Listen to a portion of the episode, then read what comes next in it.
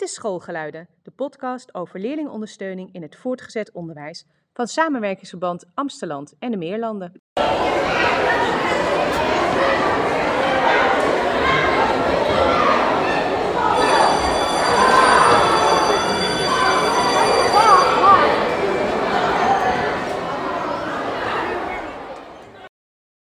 In het onderwijs wordt veel gesproken over inclusiviteit. Maar hoe staat het er eigenlijk voor? Wat betekent het überhaupt? Vragen waar het onderwijs mee worstelt. In deze podcastreeks zijn wij op zoek naar antwoorden. Wie zijn wij? Wij zijn Loes Hortensius, onderwijsadviseur, en Merel Schulte, orthopedagoog.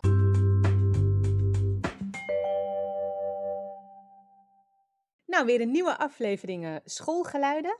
Uh, vorige aflevering hebben we uh, directeur-bestuurder van het Samenwerkingsverband Amsterdam en de Meerlanden geïnterviewd, Frans Jordaan. En met een aantal van, van zijn uitspraken gaan we in deze podcast verder. maar dan wat dichter naar de werkvloer, hè Merel? Ja, want dit keer hebben we een aantal fragmenten klaarstaan van Col de Moulin. Wie is dat? Teamleider van de MAVO-HAVO onderbouw op het Amstelveen College. Dat klopt. Ja. En jij hebt gesproken met Gerardine Res. Um, want ik was namelijk in het Amstelveen College. En ik dacht, het is leuk om ook een docent te vragen. En ik heb uh, Gerardine Res gevraagd wat voor haar inclusief onderwijs is. Dus die gaan we ook zo horen. Ja. Ja, en uh, voordat we daarmee gaan beginnen, Merel, maar heb jij nog iets inclusiefs meegemaakt deze week? Ja, dat, dat is een hele goede. En ik zit ook inderdaad hard te denken.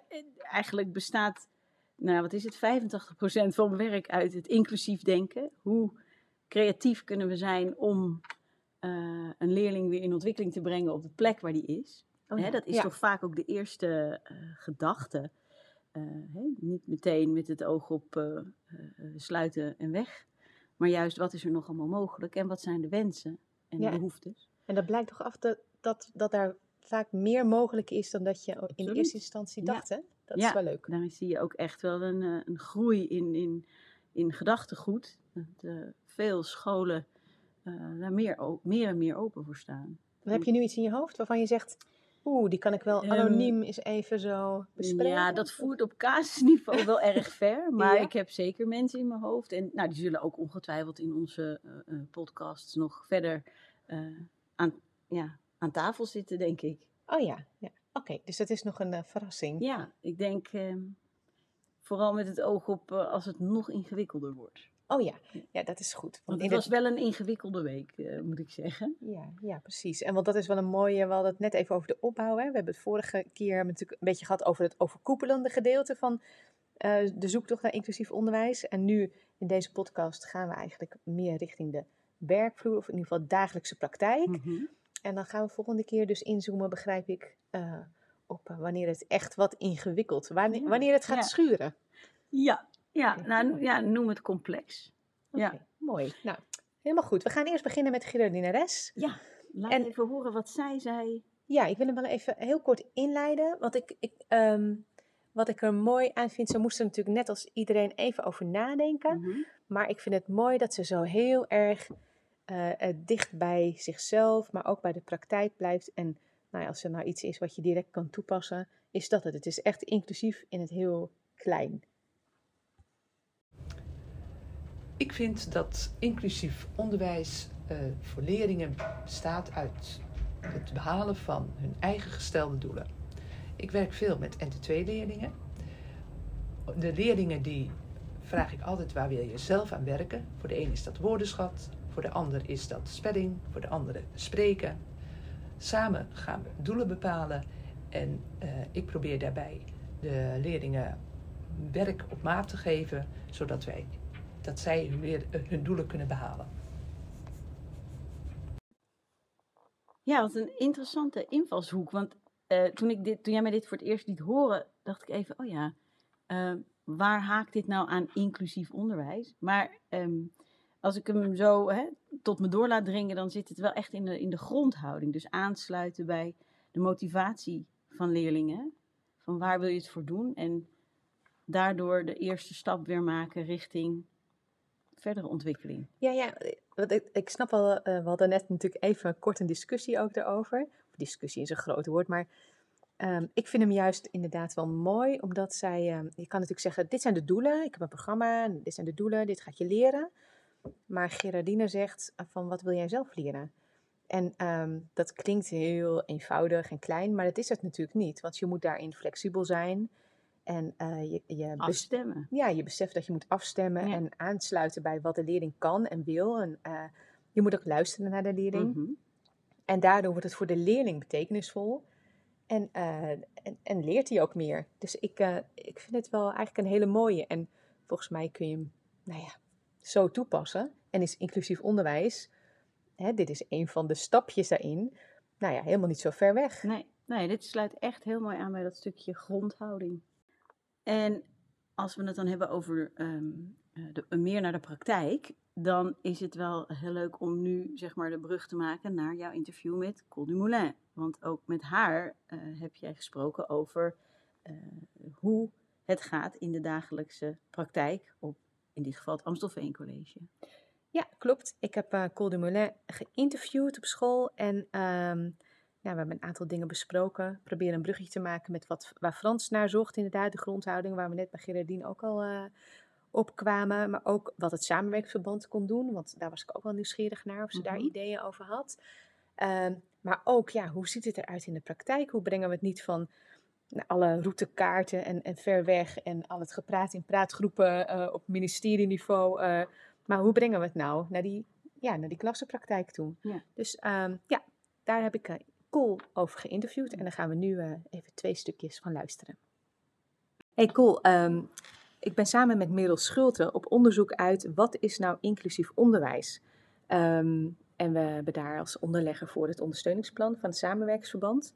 En daar staan wel mooie dingen in, zoals een grondhouding van inclusief onderwijs. Wat betekent dat nou voor jou persoonlijk? Uh, maar we zijn ook natuurlijk op zoek naar ja, hoe werkt dat of hoe gaat het werken in scholen? Hoe denken mensen erover? Wat voor woorden geef je aan? En uiteindelijk, hoe ziet het eruit in de klas?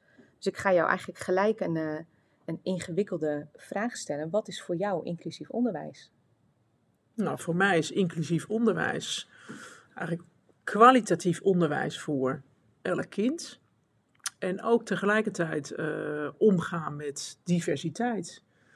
Um, we hebben veel leerlingen die, nou, uh, verschillende niveaus, maar ook uh, qua gedrag natuurlijk. En dat je moet kijken, oké, waar zit uh, die ondersteuningsbehoefte? en hoe kan je als docententeam de leerlingen het beste onderwijs verzorgen? wel binnen kaders natuurlijk. En dat in nauw samenwerking en nou, met het docententeam, welke afspraken maak je daarover? Um, het zorgteam daarbij betrekken op het moment dat een leerling toch uh, ja, iets meer ondersteuning nodig heeft. Maar ten alle tijde dat een leerling uh, ja, onderwijs uh, krijgt. En ik wil hier toch nog even inbreken, want Col heeft het over kaders. Mhm. Mm -hmm. En ik moest even denken aan een vorige aflevering, vroegen we Mirjam Dumortier, ja. wat volgens haar inclusief onderwijs is. En zij vond het juist mooi om binnen die kaders te zoeken naar de mogelijkheden. Dus ik, nou, ik was toch even nieuwsgierig of Col daar uh, ook een antwoord op kon geven. Want je hebt natuurlijk de kaders, maar het zit hem ook soms in wel die in ruimte. De, ja, in die ruimte die er is. Dus ik ga haar vragen waar uh, op het Amstelveen College of waar binnen haar team uh, de ruimte zit. Als je aan mij vraagt waar dan ruimte zit. Um, kijk, de pedagogische driehoek hebben we hoog in het vaandel staan. Hè? De school, ouders, leerlingen. We blijven met elkaar in contact in goede en slechte tijden. Um, dus niet dat, we kijken naar het geheel. Dus uh, hoe zit de leerling er uh, op school uh, bij, maar hoe gaat het thuis? En thuis kan het soms wat schuren en dat je dan van elkaar weet... Oké, hoe kunnen we als school daarmee omgaan? Hoe kunnen we het elastiekje een beetje, een beetje oprekken door daar rekening mee te houden? En dat een leerling daar iets meer ruimte in krijgt, waardoor die wel gewoon naar school kan gaan, waardoor die kwalitatief goed onderwijs kan ontvangen, maar net eventjes nou, wat meer flexibiliteit vanuit het docententeam. En een heel concreet voorbeeld. Uh, vorige week hadden we klassenbesprekingen. En dan zitten alle vakdocenten van uh, die klas bij elkaar. Om juist uh, hele concrete afspraken te maken met elkaar. Hoe gaan we om met de klas? Welke afspraken kunnen we maken? Dat wordt gecommuniceerd. Dat dat gelijk uh, van toepassing kan zijn de volgende dag. Waaraan ieder zich aan houdt. Zodat leerlingen ook duidelijkheid en structuur hebben. Ja, En dat, dat, dat helpt. Maar dat voor elke leerling het belangrijke is dat elke dag weer een nieuwe dag is. Ja. En nieuwe kansen, nieuwe ronden. Absoluut. En ik vind het ook wel interessant wat je zegt. Want als je dat met elkaar afspreekt, dan heb je ook een gemeenschappelijke taal. Hè? En dat is volgens mij heel erg belangrijk. Zeker in de zoektocht naar wat is nou inclusief onderwijs. Wat, nou, wat is passend onderwijs. En nu naar dus inclusief. Dat je ook met elkaar eh, dezelfde woorden gebruikt. En dat, leerling, dat het ook voor leerlingen herkenbaar is, maar ook voor elkaar. En dat je gaat voelen dat het iets gemeenschappelijks is, wat je samen oppakt. En kleine, kleine stapjes maken. Hè? Elk stapje dat je maakt is alweer een stap op weg naar nou, een succes.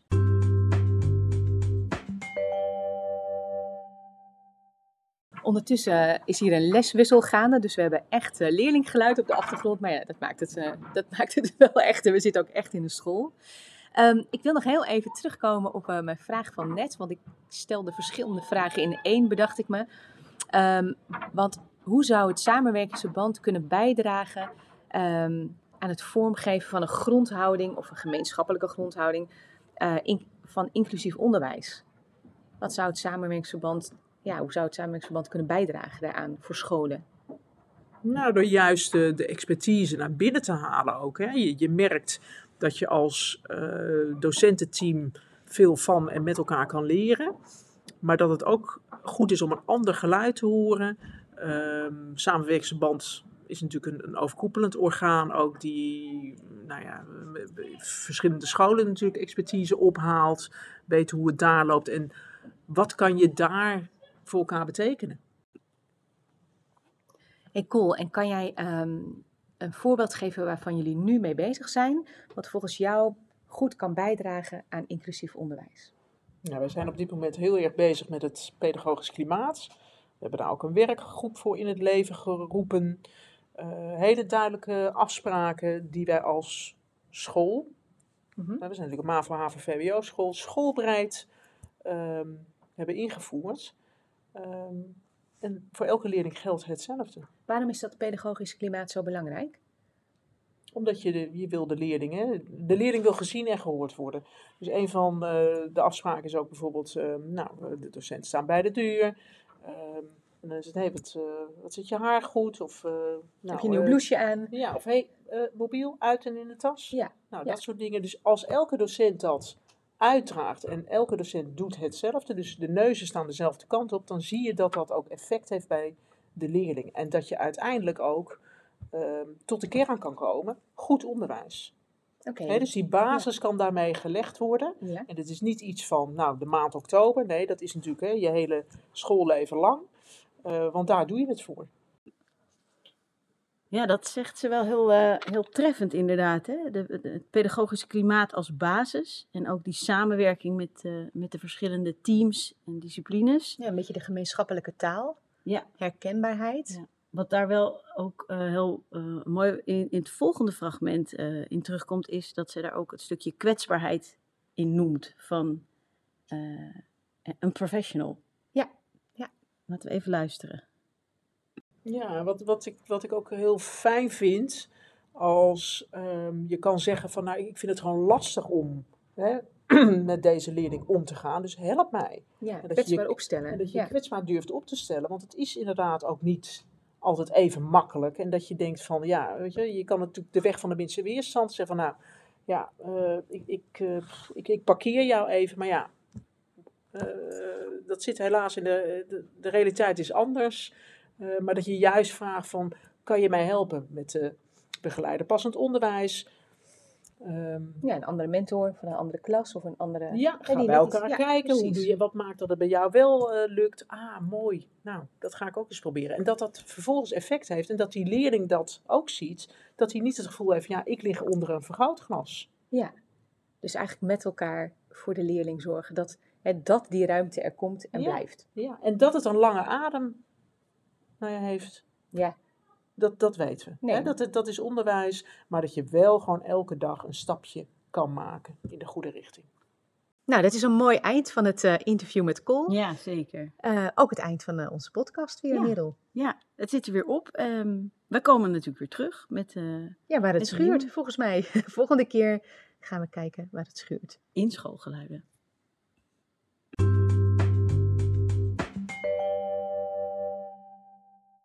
Je luisterde naar een uitzending van Loes Hortensius, onderwijsadviseur en Merel Schulte, orthopedagoog, beide verbonden aan Samenwerkingsverband Amsterdam en de Meerlanden. En als je nog vragen hebt over deze uitzending of opmerkingen, kun je ons mailen naar schoolgeluiden.hotmail.com.